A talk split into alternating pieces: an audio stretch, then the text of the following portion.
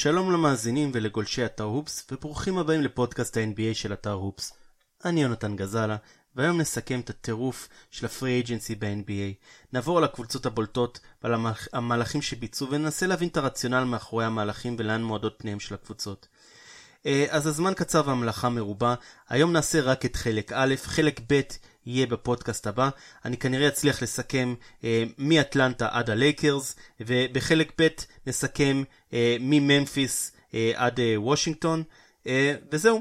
אז אה, יאללה בוא נתחיל. היי hey, ג'ורדי, תן לי פתיח.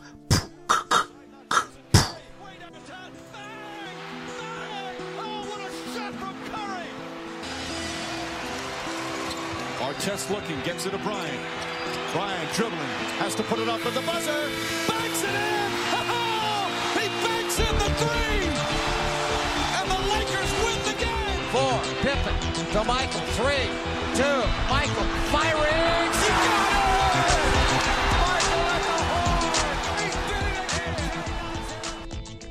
אז השבוע האחרון הוא טירוף. החדשות שלפני שבעה ימים אה, מזמן כבר לא רלוונטיות, טריידים עפו, החתמות אה, מעניינות קרו, ואנחנו נעבור קבוצה קבוצה אה, לפי ה-ABC, אה, נתחיל באטלנטה ונסיים בוושינגטון, ונבין מה כל קבוצה עשתה, אה, מי הלך, מי חזר, אה, מי עבר ב trade, אה, וננסה להבין לאן הקבוצה הולכת ואיזה הרכבים עלולים אה, לשחק אצלה. אז אה, בואו נתחיל עם אטלנטה. ואטלנטה היא קבוצה מאוד מאוד מעניינת כי כביכול הארגון הזה הוא היה במצב מצוין עד לפני שנתיים. היו לו ארבע שחקנים שהם היו אולסטרים, אה, ששיחקו נהדר ביחד, הספרס של המזרח, אה, ושנתיים לאחר מכן ניצחו 60 משחקים, ושנתיים לאחר מכן לא נשאר מזה כלום. אה, והחתיכה האחרונה מהפאזל ההוא עברה לדנבר, שזה פול מילסאפ. אז בואו נעבור על אטלנטה זריז. אטלנטה בוחרת במספר 19 בדראפט את ג'ון קולינס מווייק פורסט, שחקן פנים שהוא מאוד מעניין אבל יש תהיות לגבי היכולת שלו להשתלב בכדורסל המודרני ב-NBA, לפחות עד שישיג כליאה. גם בחרו טיילר דורסי מאורגן במספר 41, שני השחקנים האלו עלולים לתרום השנה, במיוחד בגלל כל השחקנים שתכף תבינו שעזבו. אה, בנוסף, הם הביאו משרלוט את מרקו בלינלי, או את הגופה, או מה שנשאר ממרקו בלינלי, שעוד עלול לתת אה, מדי פעם קליעה. את ג'מאל קרופורד, אה, בן ה-37 אם אני לא טועה, מהקליפרס, שגם הוא בדרך למטה לקראת סוף הקריירה שלו. מיילס פלמלי ודיימונד סטון מהקליפרס, שלא ממש שיחק שם. את מי הם איבדו? הם איבדו את חוזה קלדרון שעבר לקליבלנד, שהיה אצלם חמש דקות. את פול מילסאפ שהוא היה ה All-Star האחרון שלהם, שעבר לדנבר, אה, חוזה של 33 מיליון לשנה, לשלוש שנים. אה, את דווייט האוורד, שהשתלב לא רע, ולתקופה מסוימת היה נראה שהוא מצא את הבית שלו, אה, בעיר הולדתו. עבר לשרלוט הקרובה, וגם ריאן קלי עבר ליוסטון, ואת מייק דנליבי הם הוציאו מהרכב. אז אטלנטה בעצם עושה מין חיסול, והשאלה אם יכול להיות שהספרס של המזרח עושים tanking? אולי יש איזשהו שחקן שהם שמו עליו עין שנה הבאה? כי בסוף נשאר להם דניס שרודר ותוספות. אז אה, איך נראה ההרכב כרגע של אה, אטלנטה? כנראה שטים הרדווי יפתח מאחורה אה, יחד עם דניס שרודר, ולאדם כנראה נראה את ההתקדמות הבאה של קנט בייזמור. השאלה אם שלישייה אחורית כזאת עלולה באמת לעשות משהו במזרח. אה, מצד שני ראינו את מיאמי, קבוצה שגם לא היה לה שמות גדולים חוץ מדרגיץ' ווייטסייד, אה, וגם נתנו דחיפה די חזקה לקראת סיום העונה אה, שנה שעברה, עם אימון טוב ועם הרבה מוטיבציה, אבל שילוב של קנט בייזמור, שאומנם השתפר מאוד בשנים האחרונות, יחד עם הרדווי ודניס שרודר, לא נראה מאוד מבטיח. מקדימה אני מניח שנראה אה, אולי אפילו את ה rookie ג'ון קולינס פותח, יש, אה, כי אני לא רואה אף שחקן אחר שיכול לקחת שם את המושכות. ואם לא, תמיד יש את ארסן איליאסובה, הבלתי נגמר, שייתן קצת קליעה מבחוץ בעמדה 4. אה, ובסנטר אין לנו הרבה אופציות, יש לנו את אה, מיילס פלמלי או דיימונד סטון שלא שיחק בכלל ב-NBA. שחקן אגב גבוה וחזק, הוא, הוא 2.11 255 אה, פאונד, שחקן מאוד חזק ממרילנד, אבל אני לא חושב שבשלב הזה הוא, הוא אפילו שחקן רוטציה, בטח לא שחקן פותח. אז אנחנו כנראה נראה אה, את האח פלמלי בן ה-28 פותח אה, בהרכב. אחד ההרכבים הכי חלשים אה, במזרח, אפילו שהמזרח נחלש, אה, ויש לי הרגשה שאנחנו נראה צלילה של אטלנטה. ובואו נעבור לקבוצה הבאה. הקבוצה הבאה היא בוסטון. בוסטון עשתה את אחד ה off season הכי מעניינים בשנים האחרונות וזה התחיל באמת מה trade אה, שהביא להם עוד בחירה שנה הבאה ובסופו של דבר הוא הוביל לבחירה של ג'ייסון טייטום בבחירה מספר 3 והשארת מרקל פולץ אה, לאוהדי הסיקסרס אה, להתלהב ממנו.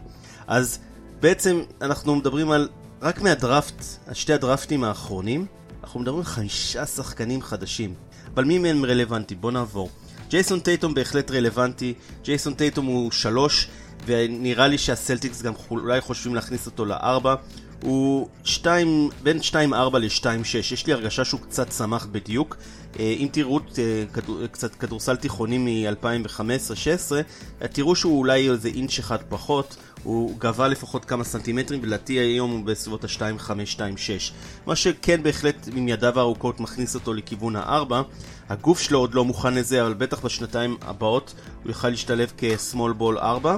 הכלייה שלו מבחוץ עוד לא משופשפת מאוד, אבל הוא כלה רייג' נהדר, ויש לו המון המון מהלכים ויודע ליצור. אמ, איך הוא השתלב במערך של הסלטיקס עם, תנועה, עם התנועה ללא כדור אה, והאגרסיביות בהגנה, זה נצטרך לחכות, אבל הוא בהחלט פרוספקט מעניין. אה, מה גם שלמרות שהעמדה הטבעית שלו הוא שלוש, הביאו אה, את גורדון היוורד על העמדה שלו, ותכף שנייה נדבר על ה trade הזה.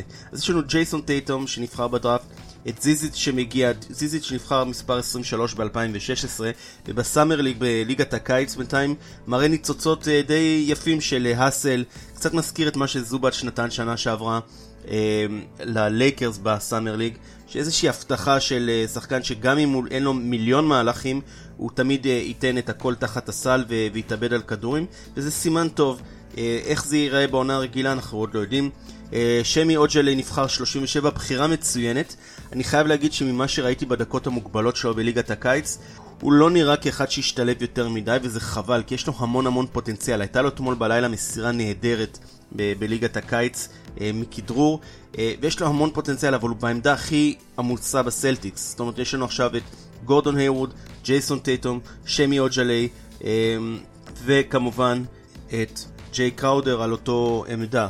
זאת אומרת, עמדה 3/4 מאוד מאוד עמוסה אה, בבוסטון. בנוסף, ב free agency ההחתמה הגדולה אולי של ה off season אה, של שחקן שעבר קבוצה זה גורדון היוורד, יחד עם קריס פול, זה שתי ה free agents הכי גדולים שעברו. אה, גורדון היוורד מגיע מיוטה, לאחר פנייה אה, של כמה שנים של יוטה לקראת הפריצה הגדולה שלהם שהתחילה לקרות שנה שעברה. גורדון היוורד בעצם עוזב את יוטה ומגיע לשחק עם מאמנו מהמכללות ברד סטיבנס. החתמה מאוד מעניינת, אני מאוד תוהה בקול רם. האם האינטנסיביות ההגנתית של גורדון היוורד משתווה למה שג'יי קראודר הביא בחמישייה הפותחת, ובכמה התקפה שלו, כשהוא משחק לצד יזיה תומאס, כל כך הרבה יותר טובה מקראודר, שזה יעשה איזשהו הבדל גדול.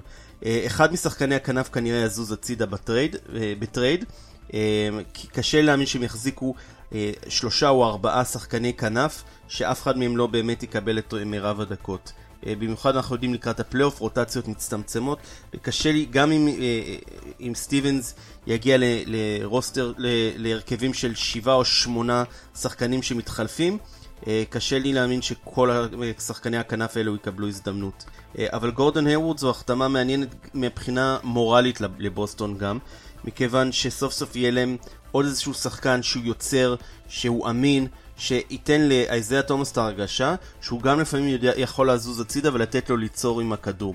אה, גורדון היוורד, אחד היתרונות שלו זה שהוא שחקן נהדר גם בלי הכדור. הוא יודע לצאת מחסימות, הוא, הוא לא באמת צריך אה, לכדרר הרבה, אה, הרבה פעמים בשביל להתחיל את הכניסה שלו, את המהלך שלו לכיוון הסל. הוא בדרך כלל מה שנקרא attack off the, the catch, זאת אומרת שאיך שמוסרים לו, עושה צעד מהיר ונכנס. והוא לא שחקן אייסו מדהים, אבל הוא שחקן אייסו די טוב. אה, אבל בשביל זה לדעתי ג'ייסון טייטום אה, בשנתיים אה, שלוש הבאות יהיה שחקן אייסו מאוד מאוד טוב למצבים האלו. אז סך הכל חמישייה של בוסטון, יש פה שתי הרכבים שיכולים לקרות, יכול להיות הרכב קלאסי, ואני נגיד שאייברי ברדלי לא זז ב trade, אז לדעתי מה שיקרה זה שאייזיה תומאס ישחק לצד ברדלי, מי שיפתח זה גורדון היוורד, לצידו ג'יי קראודר וכנראה את אל הורפורד בסנטר. אם אל הורפורד לא ירצה לשחק סנטר אז אולי נראה את אל הורפורד בארבע וזיזיץ' לידו בהרכב שהוא קצת יותר גבוה ומסיבי. הרכב אלטרנטיבי, הייתי אומר, שהוא יכול להיות מעין סוג של death line-up של בוסטון, יכול להיות דווקא השילוב של ג'ייסון טייטום, כנראה לקראת המשך השנה כשהוא קצת יותר משופשף, לעמדה 4. ואז יש לנו הרכב של אייזאה תומאס, יחד עם עברי ברדלי בבקורט, ואז אנחנו אפשר לשים את גורדון היווד בשלוש, את uh, ג'ייסון טייטום בארבע, ואפשר לשים את אורפורד בחמש.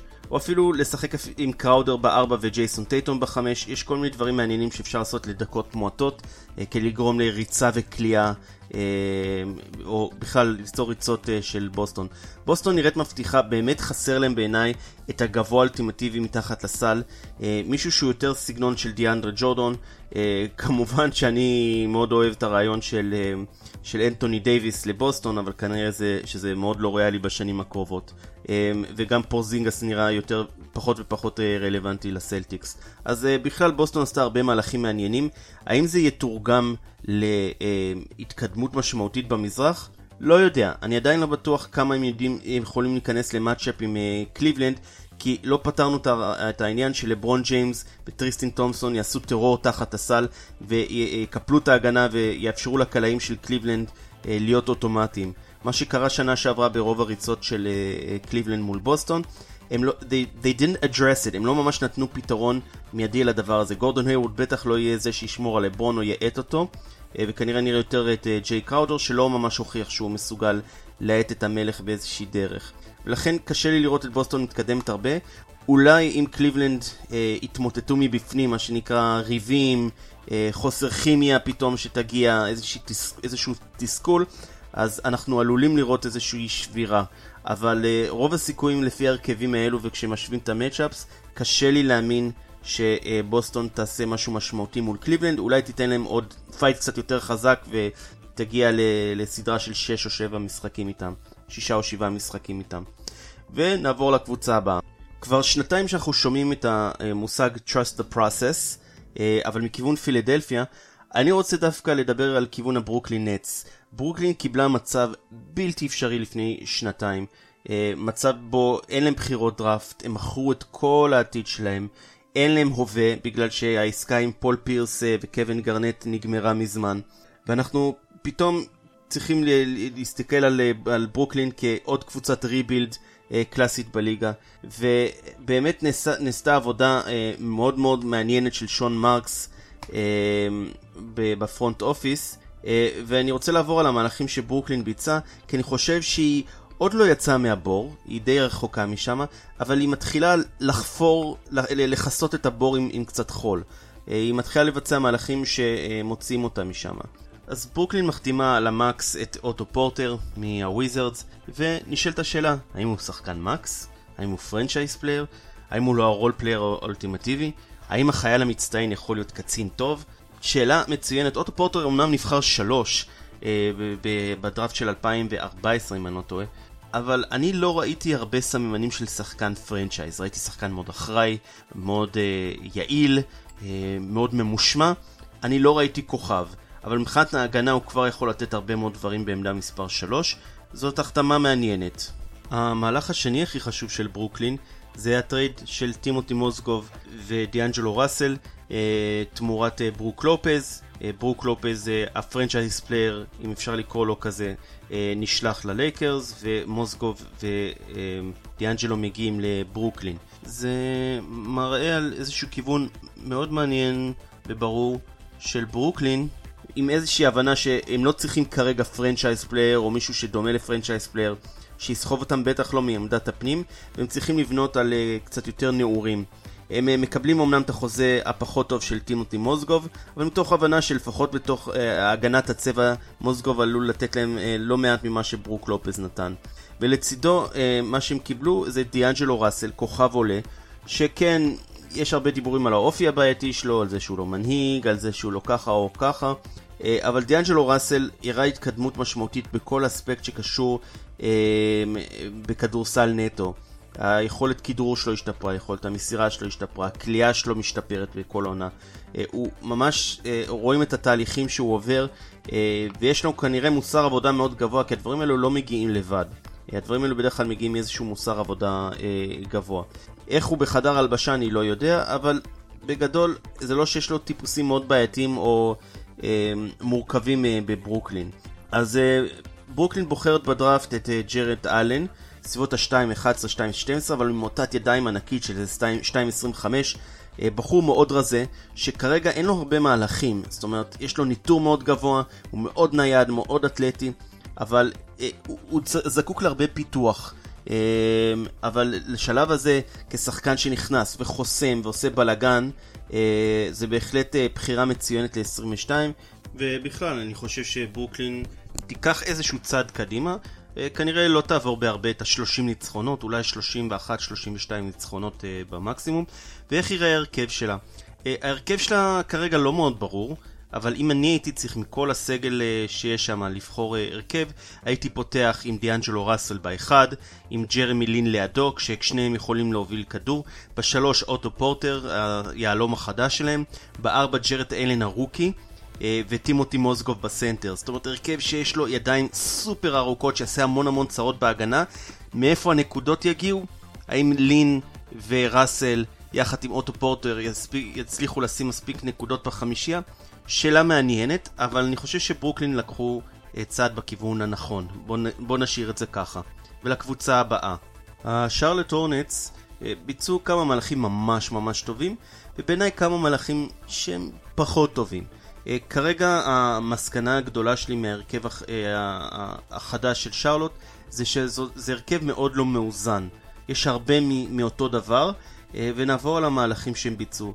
הם, דבר ראשון, מבחינת דראפט הם עשו דראפט נהדר, הם בחרו את מליק מונק עם הרבה מזל בבחירה מספר 11, scorer שבמינימום יעלה מהספסל וישים נקודות, במקסימום הוא גם מתפתח ל franchise player שיודע להוביל כדור ולשחק גם באחד כשצריך.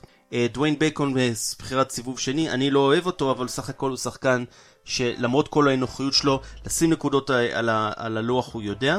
אה, והם הביאו את מייקל קרטר וויליאמס משיקגו, שאולי סוף סוף ינוע לעמדה שהיא קצת יותר טבעית אה, אה, אה, לא ב wing, ופחות ישחק point guard. כי הרעיון של 6-6 point guard, שחקן מטר 98, 2 מטר, שמשחק ב point, הוא נחמד אם באמת יש לך את כל היכולות, וקלייה זה אחד מהם. מייקל קרטר וויליאמס לא נותן את זה, כנראה שהוא יהיה שחקן מהספסל למשימות מיוחדות, ודווייט האוורד שמגיע אה, ב trade מאטלנטה. אה, האם דווייט האוורד ימשיך את ההידרדרות שלו? האם ימשיך את ההתעוררות שלו מאמצע שנה, שנה שעברה באטלנטה? זה די לא ידוע. העניין הוא שאין פה הרבה יציבות. אה, גם, והם איבדו את מרקו בלינלי ומיילס פלאמלי צריך לציין. אז ההרכב של שרלוט הוא, הוא עמוס ומוזר. בעמדת הסנטר יש שם עומס אדיר עם דווייט האוורד, פרנק קמינסקי וקודי זלר. שלושה שחקנים שכל אחד נותן משהו אחר לגמרי. דווייט האוורד נותן קשיחות, ריבאונד, חסימות. קודי זלר נותן ניידות, ובכלל יכולת אה, אה, לרוץ אה, מעמדה חמש, דבר שאין להם אה, בכל קונסטלציה אחרת. ופרנק קמינסקי שנותן את הקליעה. זאת אומרת שלושה סנטרים שאם היית משלב אותם ביחד היית יוצר את הסנטר האולטימטיבי הכי טוב בליגה. העניין שהוא אי אפשר לעשות את זה והם יצטרכו לחלק את הדקות ביניהם ולכן אני, אף אחד מהם לא יהיה לו איזושהי השפעה מאוד אה, אה, גבוהה על, אה, על הקבוצה. מאחורה יהיה לנו את אה, קמבה ווקר, והשאלה מי מצטרף אליו, האם יהיה להם את הביצים לשים את מליק מונק לידו, לעשות מעין אה, בקורט נמוך ששם מלא נקודות על הלוח, אה, או שהם יסתכלו על ההגנה שלהם ויגידו לא, צריך לשים שם מישהו אחר, אולי קיד גילקרייסט אה, שינוע לעמדה 2, אולי ניק בתום ינוע לעמדה 2, ואולי אפילו ילכו עם ג'רמי לאם. קשה לי להבין מי, מי נכנס שם בעמדה 2, כי לאף אחד מהם אין את היתרונות ש, ש, שצריך בעמדה הזאת. בעמדה 3 ניק בתום ימשיך לקבל קרדיט, ימשיך להיות הכלבויניק, אה, והשאלה היא מה הם יעשו מקדימה. האם הם למשל יכולים לקחת את קודי זלר הנייד ולשלב אותו עם אה, פרנק קמינסקי, האם הם ישלבו אותו עם דווייט האווארד, אולי קמינסקי והאווארד, שהרכב שהוא מאוד כבד, אבל נותן הרבה ריבאונד וגם כליאה אה, של קמינסקי מבחוץ. הרבה מאוד שאלות, אין לי מושג איך הדבר הזה נפתר. נכון שהם ביצעו החתמות טובות וסך הכל התחזקו, אבל אני לא רואה את האיזון שצריך בחמישייה, והאיזון שעולה מהספסל וסוגר את הפינות שהחמישייה לא מסוגלת להתמודד איתה. מייקל קיד גילדקראסט אה, בעיניי הוא המועמד אה, לקחת צעד אחורה, הוא יקבל פחות ופחות דקות, הכלייה שלו לא השתפרה בשנים האחרונות, והוא יתחיל לשלם סוף סוף את המחיר על כך. ונעבור לקבוצה הבאה. הקבוצה הבאה, שיקגו, גורמת לי קצת לעצב, כי הם במידה מסוימת היה להם איזשהו כיוון, הם זנחו את הכיוון ברגע שהעיפו את uh, תום טיבידו, וכרגע הם נראים לי די אבודים. זה נראה שהם פשוט יורים לכל הכיוונים, הם נפטרים מנכסים, הם, הם לא ממש יודעים מה, לאן, מה יוליד אה, מחר.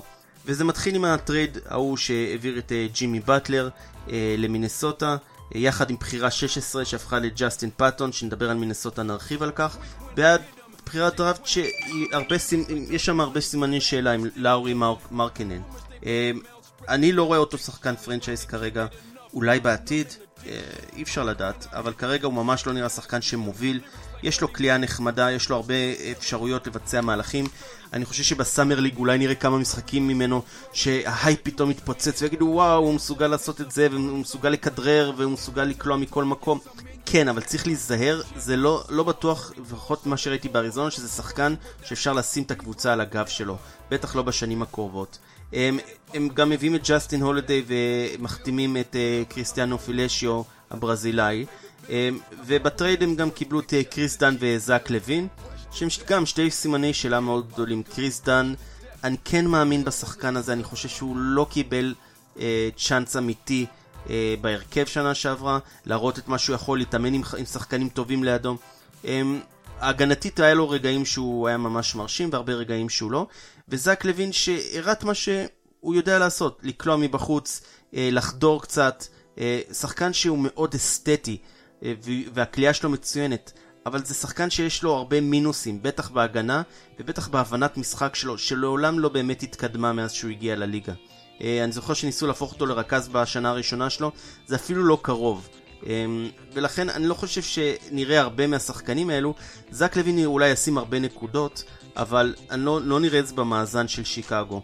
אה, שיקגו גם מפסידה את מייקל קרטר וויליאמס ב free agency לשרלוט, והם גם נפטרים מאייזיה קאנן ורג'ון רונדו, אותו רונדו שניצח להם את שתי משחקי הפלייאוף הראשונים שנה שעברה מול בוסטון לפני שנפצע. שיקגו נראית אבודה, אני חייב לציין אה, את הדבר הזה. אמ, הרכבים, וואלה לא יודע. אני חייב להגיד שזו אחת הקבוצות שפשוט אין לי מושג לאיזה כיוון הם יכולים ללכת. קריס דן הוא... מי ה point guard שלהם? זה קריס דן? קריס דן פותח? אה, מי משחק לידו? כאילו דוויין וייד אני מניח, אה, אם הוא יהיה, לא יהיה פצוע. מי משחק בשלוש? זה, זה, זה מרקונן? זה מירוטיץ'? האם מרקונן עובר לארבע? כנראה שמי שהכי בטוח בהרכב, עם כל הכבוד, זה רובין לופס, ש... לא, לופס שיפתח בסנטר. חוץ ממנו, הכל פתוח לחלוטין. אה, האם בובי פורטיס שוב ייתקע במקום ולא יראה את הכישרון הגדול שלו? האם אה, מירוטיץ' ייקח צעד קדימה או צעד אחורה? הרבה מאוד סימני שאלה, אני חייב לציין שהניחוש שלכם הוא בדיוק טוב כמו הניחוש שלי, אין לי מושג איך ההרכב יראה שם, ונעבור לקבוצה הבאה. הקבוצה הבאה, קליבלנד קוולירס, היא מעניינת מאוד, אבל לא בקונסטלציה של אה, סיכום free agency, כי היא לא באמת ביצעה שום מהלכים משמעותיים. היא אומנם החתימה את אה, קייל קורבר, אה, שאלה אם זו החתמה טובה או לא, זאת שאלה מצוינת. אה, חשוב לציין שקורבר לא שיחק עונה מלאה עם, עם קליבלנד, זאת אומרת הוא לא באמת יכל מה training camp, מהמחנה אימונים, להיכנס לעניינים ולהבין לגמרי לגמרי את הסכמות של הקבוצה.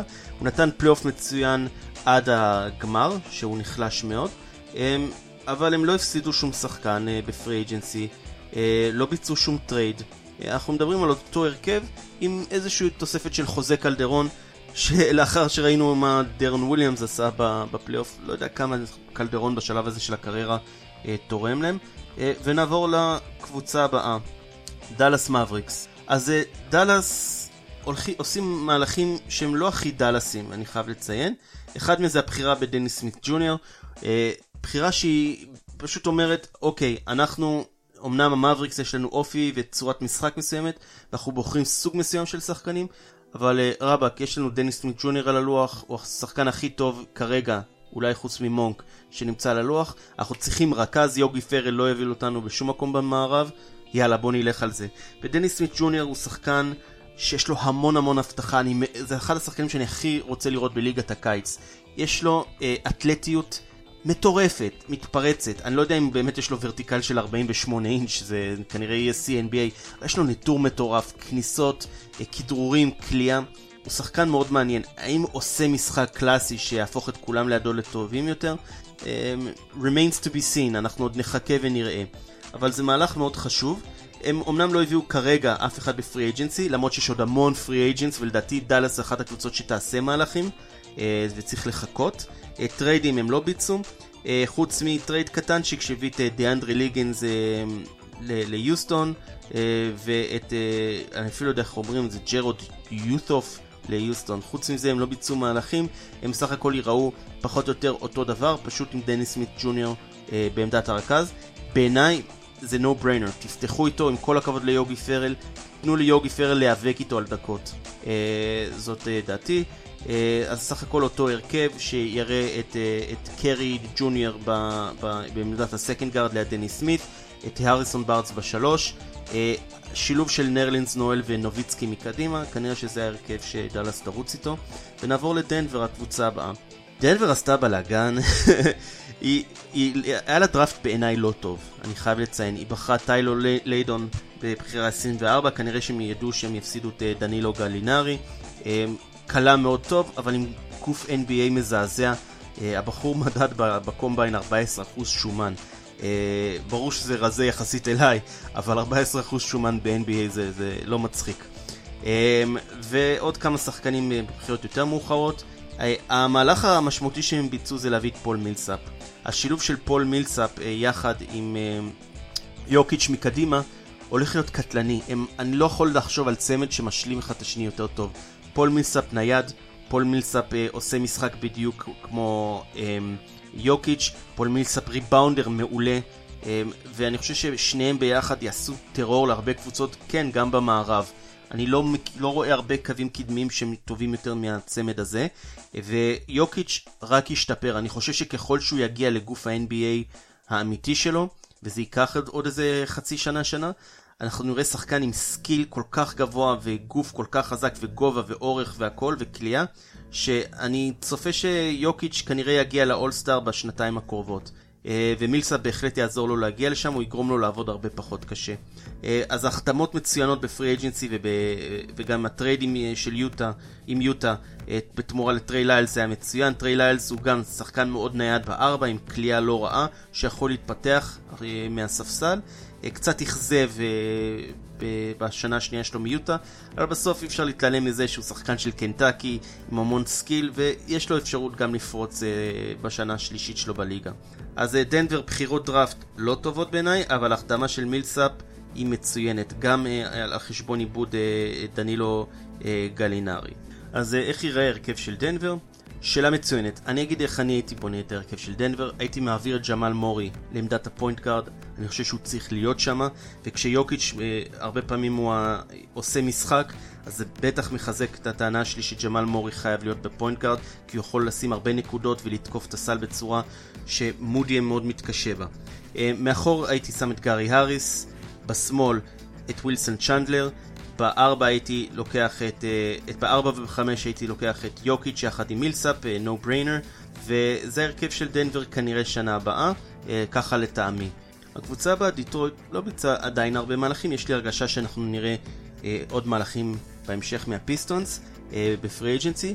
עד, עד כה היא בחרה את לוק קנארד בחירה 12, לוק קנארד בליגת הקיץ כרגע נראה ממש טוב. הוא מתמודד לא רע עם האתלטים סביבו, הוא מצליח לקלוע מבחוץ, הוא מצליח אה, להיכנס פנימה, לשחרר קליעות mid range. ה skill שלו, יחסית, היכולת והכישורים שלו, בינתיים בליגת הקיץ נראים שכן מתרגמים אה, לליגה. האם מול אה, שחקני NBA לגיטימיים זה, זה עדיין יתורגם, הוא עדיין יצליח להיכנס לסל, עדיין יצליח לבצע מהלכים, uh, למסור לחברים שלו? Uh, שאלה מצוינת. אני מתחיל להשתכנע שאולי כן. אולי לא בחמישייה, אבל מהספסל הוא מסוגל לתרום אה, לא מעט אה, כבר אה, על ההתחלה. אה, אז כנראה שהבחירה הזאת היא לא גרועה כמו שחשבתי, או בעייתית כמו שחשבתי. חוץ מזה, דיטרויט אה, לא ביצע שום אה, מהלך, וכנראה תעלה עם אותה חמישייה של אה, שנה שעברה. ונעבור לווריורס. לווריורס היה את כל הסיבות שבעולם לנוח, לשתות הרבה שמפניה, לעשן הרבה סיגרים. קליי תומסון יכל להישאר אולי לפחות עוד חודשיים בסין ולאבד את עצמו לדעת. אבל ה front office של הווריורס עובדים מאוד יפה ב free agency. וזה מתחיל עם בחירת דראפט מצוינת, אה, הם מביאים את ג'ורדון בל, שחקן אתלטי מאוד, שיכול לרוץ, לחסום, לעשות את כל הדברים, הפועל השחור האולטימטיבי, פועל שחור פלוס, אה, שאולי אפילו יתפתח ליותר מזה, אבל כרגע זה נראה החתמה מצוינת אה, ובחירה מצוינת בבחירה 38. הם מביאים שתי שחקנים שהחוזקה שלהם זה קודם כל כליאה מבחוץ, עומרי כספי וניק יאנג. כספי ייתן להם את זה מעמדת הפורט, אה, לגבי ההגנה של שניהם, ניק יאנג מאוד השתפר בהגנה. כספי זה עניין של רגעים, הוא מאבד ריכוז בהרבה אה, רגעים, אבל סך הכל כשהוא locked in למספר דקות יחסית מועט שהוא יקבל, הוא יכול לתת הרבה ריכוז והגנה, וגם אה, כליאה וחדירה והורדת ריבאונד, וכל משחק הריצה הוא השתלב נהדר. ואני חושב שהם עשו החתמה טובה, בטח במינימום, אה, כספי זה, במינימום זה מחיר מצוין, אה, מביאים אותו ממינסוטה. אה, וניק יאנג זה שחקן שיש לו עדיין הרבה פוטנציאל, אה, והוא התחיל להראות אותו שנה שעברה, היה לו תקופה שהוא היה מאוד אה, נעול בהגנה בתחילת העונה בלייקרס, והלייקרס מאוד התרוממו בתחילת שנה שעברה. וניק יאנג הראה להם שהוא הרבה מעבר לקליעות מטורפות או קליעות קשות, אבל זה עוד אה, difficult shot maker מהספסל, שחקן שיודע לשים קליעות קשות כשצריך, ולפעמים ההתקפה נתקעת בכל מיני רגעים, וניק יאנג הוא בהחלט אה, החתמה טובה. הם כל כך בטוחים בחדר הלבשה שלהם, שהם מרגישים שאין להם בעיה לצרף שחקן עם איזשהו עבר בעייתי כחבר קבוצה. אה, אז הווריורס אה, קצת מתחזקים. אה, מה יקרה עם ג'בל מגי זאת שאלה מעניינת. האם יש עוד איזה סנטר שיגיע? יכול להיות. יכול להיות שבמחיר מינימום יביאו עוד איזה שחקן. ואולי גם דמיאן ג'ונס ייתן איזושהי קפיצה ויוכל לתת כמה דקות ברוטציה כסנטר. ונעבור לקבוצה הכי מעניינת בעיניי, אה, ב pre season, היוסטון רוקטס. אז יוסטון לא עשו שום דבר מעניין אה, בדראפט, הם אה, בחרו את הארטנסטיין בבחירה 43, הם מצרפים את ז'ו צ'י, אני מקווה שביטאתי את השם של הסיני הזה נכון, שנבחר שנה שעברה בחירה 43 בדראפט 2016. ב free agency הם מביאים את ננה, שחתם שוב בקבוצה, ופי.ג'יי טאקר שמסיים קדנציה אה, מוצלחת בפיניקס ובטורונטו.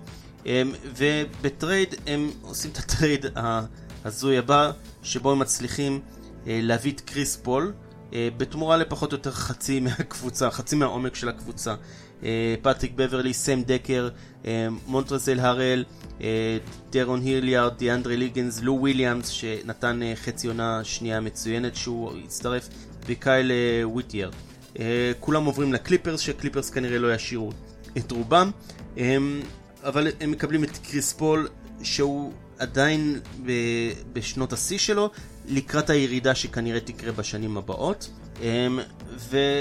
וחוץ ממנו, שום החתמה לא יותר מדי מעניינת. אה, שון לונג מפילדלפיה עלול להיות החתמה טובה. דיאנדרי ליגנס הוא שחקן הגנה מצוין, אבל לא יכול לתרום כרגע שום דבר בהתקפה. אז נשאלת השאלה איך אה, קריס פול משתלב אה, ביוסטון, וזאת שאלה מעניינת כי אחת ההתייחסויות שאני ראיתי שמאוד עניינו אותי, זה ההתייחסות של העונה שדרן קולינסון אה, החליף, אה, היה שחקן הרכז המחליף בקליפרס, ודוק ריברס העלה את קריס פול כ main שחקן אה, אה, רכז נוסף שהוא נתן לקולינסון בעצם אה, להוביל את הכדור, והוא נתן לקריס פול לשחק off the ball, בלי הכדור. וזה אחד הרכיבים שהכי הצליחו לקליפרס באותה עונה, כי זה אפשר בעצם לפול להיות spot-up shooter, שהוא ממש ממש טוב בזה. אה, הוא spot-up shooter מצוין משלוש, אה, שחקן catch and shoot מצוין, והוא יכול לעשות הרבה צרות מה weak side, זאת אומרת שהכדור מתחיל אצל הרדן, הוא ב pick and roll, הרדן מגיע לסל, ההגנה מתכווצת, הכדור מגיע לצד השני לקריס פול, ועכשיו כשההגנה לא מסודרת, אה, מתבצע מהלך נוסף של או תקיפה של הסל, או pick and roll חדש. אה, זאת אומרת, אנחנו נראה הרבה מהדבר הזה של קריס פול וג'יימס הרדן אה, בשתי אה, צדדים שונים, ואולי נראה משהו שהוא קצת דומה למה שקורה בגולדן סטייט, שקריס פול וג'יימס הרדן בעצם מבצעים pick and roll, אה, כשיהיה מגן חלש בקו האחורי של אחד היריבות, כדי שאחד מהם אה, יקבל את השחקן ההגנה הכי חלש, אולי אפילו מול גולדן סטייט, כדי שככה הם יתקפו את קרי. זאת אומרת, קריס פול וג'יימס הרדן אה, יעשו pick and roll שהשחקן של קרי אה, אה, יתחלף עליו, ואז אה, ינסו לתקוף את אה, סטפן קרי. אנחנו נראה אה, את המהלך הזה אולי לקראת סוף העונה או לקראת הפלייאוף. אה. ההרכב של יוסטון אה, נראה מאוד מעניין, כי יש להם כל מיני יכולות שיבואו לידי ביטוי. אני חושב שההרכב די ברור מאחורה, אנחנו כן נראה את קריס פול וג'יימס הרדן פותחים. באיזשהו שלב אנחנו נראה החלפה שלהם. זאת אומרת, מי שצפה בצורה שקרי השתלב עם אה, דורנט השנה, נראה משהו מאוד דומה. זאת אומרת, שתיהם פותחים באיזשהו שלב, השחקן שצריך לשמור הכי הרבה אנרגיה, אולי קריס פול, ירד לספסל והרדן יישאר עם, עם, עם ה role players, ואחר כך ברבע השני אולי נראה את קריס פול לוקח את ה role players אה, ושם אותם על הגב שלו. אמ, אז איך נראה ההרכב שלהם באופן עקרוני? אה, ההרכב של יוסטון מאחורה אה, זה כמובן קריס פול, ג'יימס הרדן, אריק גורדון יעלה מהספסל וימשיך לתת את שלו. טרוור אריזה כנראה ימשיך לקבל קרדיט כ small forward שיודע לשמור ולקלוע. בארבע אולי ריאן אנדרסון אה, יעלה, אה, אולי ננה כשה, אה, כשהם ירצו הרכב גבוה, וקלינט קפלה בסנטר. יש להם שוב הרבה אפשרויות, גם פי.ג'יי טאקר יכול להשתלב אה, במקום טרוור אריזה בחלק מהמשחקים. אה, יוסטון יש להם הרכב מאוד מעניין. לאן יוסטון מסוגלים להגיע זאת שאלה מצוינת. אני חושב שזה מאוד מוקדם לדעת. אני חושב שאנחנו ממש חייבים לראות איך הכימיה בין הרדן וקריס פול עובדת, איך האופי שלהם משתלב. קריס פול בחור מאוד אינטנסיבי, מאוד קשה, אה, יותר מדי קשה יש שיאמרו, כי בסוף אם השחקנים לידך לא נהנים לשחק, אה, אז זה גם פוגע בקבוצה, והאם הרדן וקריס פול יתנגשו ב- לפעמים בפוזיישנים שהרדן לוקח אה, איזושהי הפסקה ממשחק ההגנה? אני לא יודע. אבל שוב, הרבה מאוד סימני שאלה לגבי יוסטון, אה, נראה איך זה יתפתח. אה, ונעבור לקבוצה הבאה, הפייסרס. אינדיאנה פייסרס מאבדים בעצם את הכוכב הגדול שלהם, את הסופרסטאר שלהם. את, אה, הוא היה הכל בעונות האחרונות. לקח אותם לפלייאוף על הגב, נתן פלייאופים מאוד מאוד חזקים, אבל אולי גם מעט עצר אותם, וזה פול ג'ורג'. פול ג'ורג' עוזב ל-OKC ונדבר על זה תכף, אבל הוא משאיר את אינדיאנה עם שתי נכסים, אחד מהם נכס אה, שנחשב יחסית טוב, ויקטור אולודיפו, שעדיין לא סיים את ההתפתחות שלו, עדיין לא קיבל את הכדור ביד בשום קבוצה, זאת אומרת, אה, קח את הכדור, תוביל אותנו, אמ, ודומנטס סבוניס, שנתן עונת רוקי מאכזבת, אבל קשה לי לקרוא לה מאכזבת, כי הבוגר גונזאגה הזה אה, הראה במכללות שהוא בעיקר שחקן שהוא חזק מתחת לסל, שחקן post-up, שגם יש לו קליעה, ודי הפכו אותו ל stretch 4, דבר שלא ממש החמיא ל... ליכולות המשחק שלו. אה, הוא גם בטח לא הראה נתוני ריבאונד כשראסל ווסטבוק אה, חוטף כל ריבאונד מהגבוהים ו... ושאר הגבוהים אה, לוקחים את הפירורים, אבל יש לי הרגשה שבאינדיאנה יש... יהיה לו יותר אפשרות לבוא לידי ביטוי. אז בואו נתחיל במה שאינדיאנה עשתה. אינדיאנה בוחרת בדראפט את טי.ג'יי ליף, בחירה מצוינת, במספר 18. טי.ג'יי ליף בינתיים בליגת הקיץ נראה מצוין, הוא מראה שהוא ממש ממש לא spot-up shooter, והוא ממש היה, לא היה השוליה של לונזו בול ב-UCLA, אלא שחקן בפני עצמו, שגם יודע לייצר אה, מצבים לא רק לעצמו, אלא גם לחברים שלו לקבוצה. אה, הוא הראה הרבה attack off the catch, זאת אומרת, מוסרים לו כדור, הפחד מזה שהוא יעלה לקליעה הוא מספיק גדול, והשחקן שעושה את ה close-out אה, מאבד אותו כי הוא חודר לסל. ושם נראה לי התפקיד שלו. השחקן שהוא הכי מזכיר לי בכלל זה טוני קוקוץ'. אני יודע שמנסים להשוות אותו לכל מיני שחקנים אחרים, אבל הוא מאוד דומה לטוני קוקוץ', אמנם לא ביכולת המסירה, אבל באורך הזה שמתבטא בכדרור, כליאה וכניסה, תצפו בו קצת, הוא מאוד מזכיר את uh, טוני בתנועה שלו. Uh, והשחקן השני שנבחר זה אייקה ניגובו, שחשבו אולי שהוא יהיה בסיבוב הראשון, אבל בסוף נבחר סיבוב שני. אני פחות חושב שהוא משמעותי, יש לו אמנם גוף NBA מדהים, עם אורך וכולי, אבל הוא לא הראה שהוא יודע שום דבר בהתקפה עדיין, והוא מאוד מאוד אה, לא מפותח. החתמה מצוינת שלהם אה, שהם הביאו ב free agency מסקרמנטו זה דרן קוליסון. דרן קוליסון אה, פינה את מקומו בסקרמנטו אה, עמוסת הרכזים.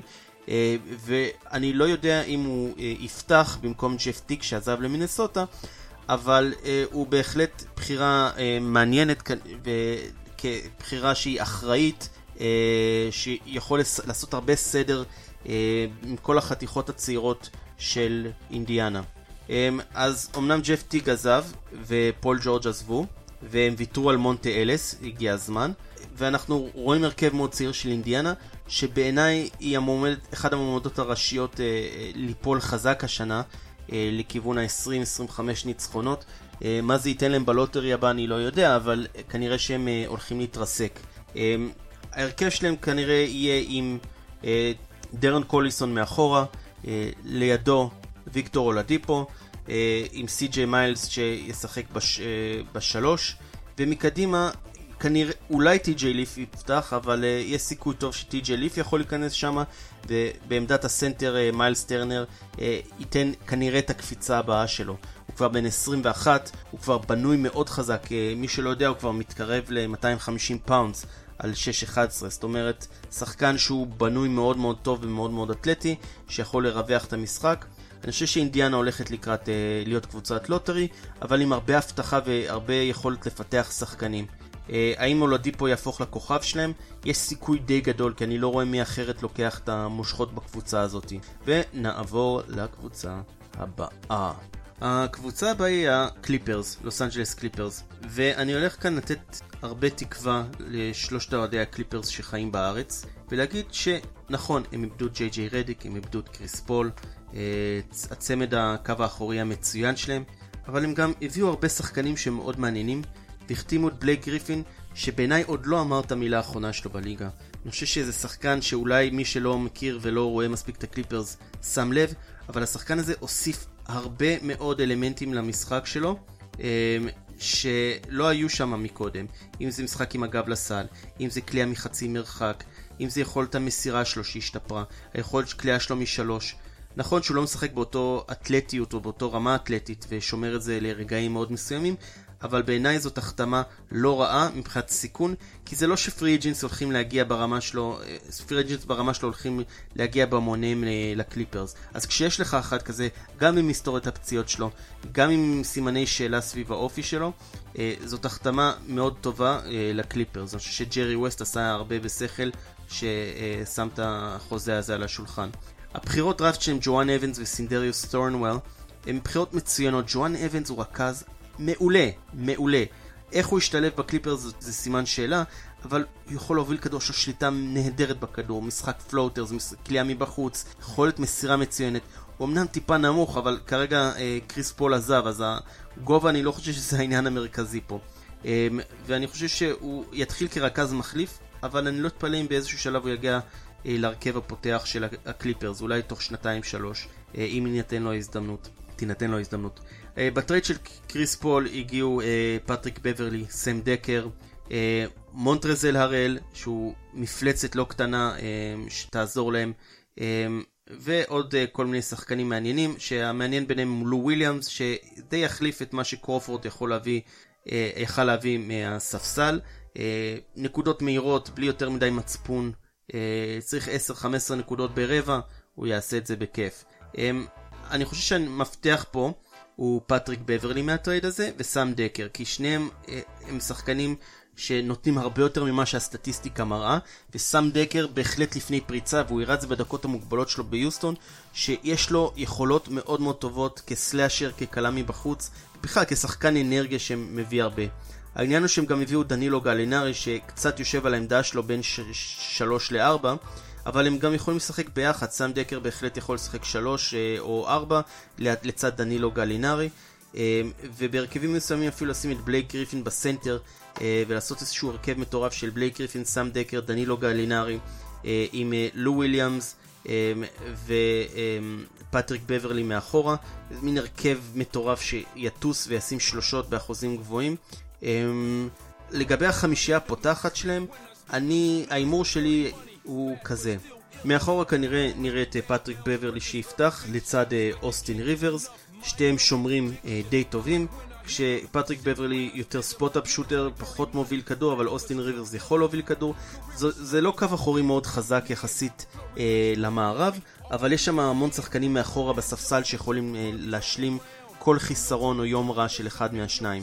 בשלוש נראה דנילו גנילנרי, שבעצם ייצור יחד עם בלייק גריפין ודיאנדרה לדעתי את הקו הקדמי אולי השני או השלישי הכי טוב בליגה. גלינרי, בלייק ודיאנדרה זה שילוב של כליאה, עוצמה, ריבאונד, הכל. ויש להם הרבה אופציות לרווח את המשחק כפי שאמרתי מקודם בארבע. ואם צריך להוריד את דיאנדרה לספסל. אז זהו הקליפרס. אני כן חושב שיש הרבה תקווה לקבוצה הזאת. אולי הם יכולים לקחת את כל הנכסים ואת העומק שהצטבר אצלם ולהביא עוד איזשהו כינור שלישי מעניין אה, שיעזור לקבוצה הזאת. ונעבור לקבוצה הבאה. אז, אז הקבוצה האחרונה תסיים את החלק הראשון של סיכום הפרי אייג'נסי. אה, ובפוד הבא אני אמשיך עם שאר הקבוצות. אה, מי שלא סגור על איזה קבוצות מדובר, אז תסתכלו לפי ה-ABC איזה קבוצות באות אחרי הלייקרס.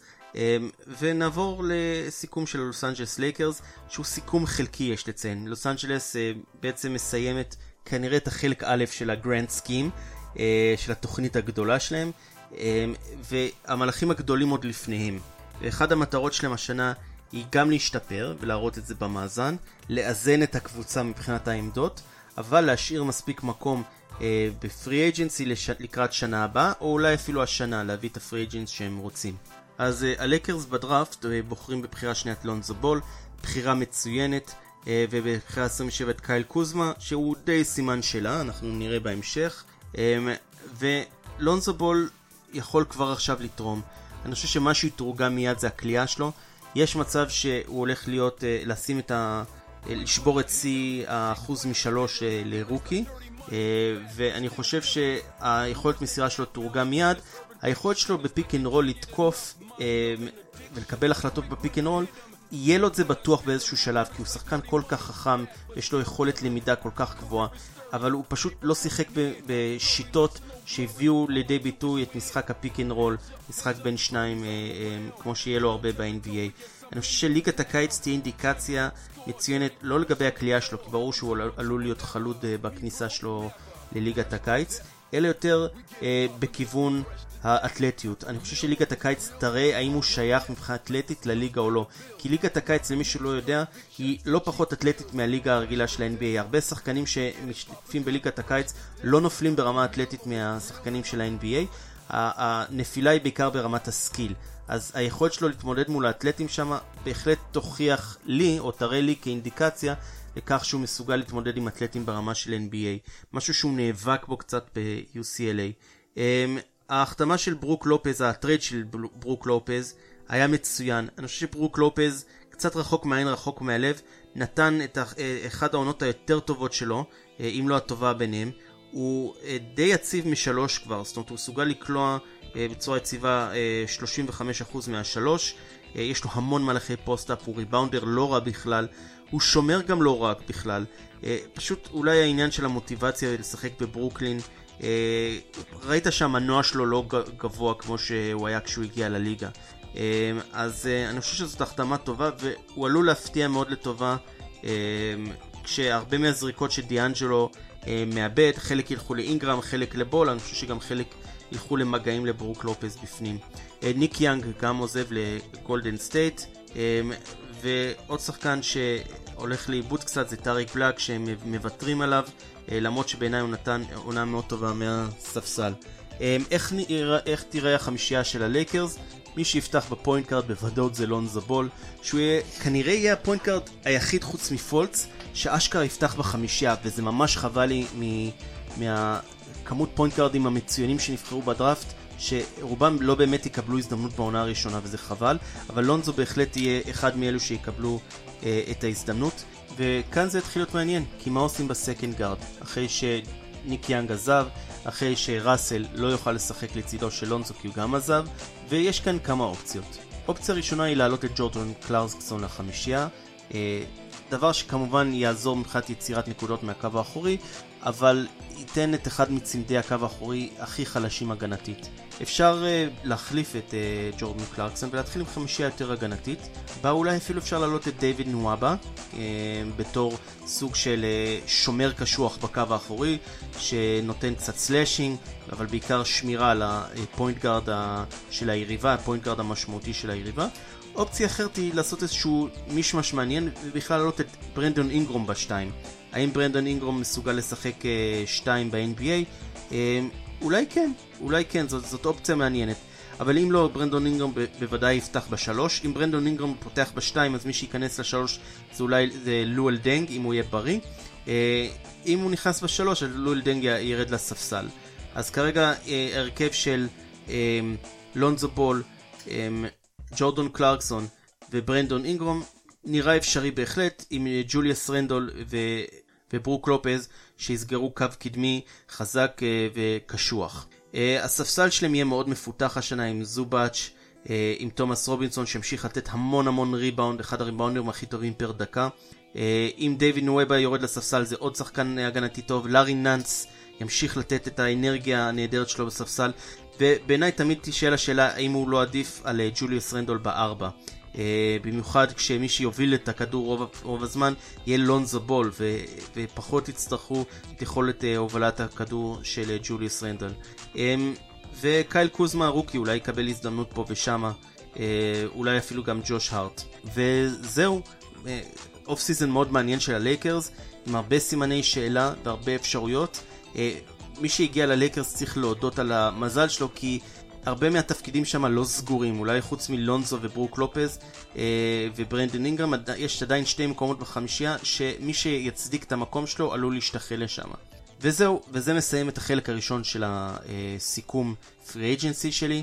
אה, אני הייתי יונתן גזלה, אה, שאר הקבוצות בחלק ב', שיהיה לכם יום נעים.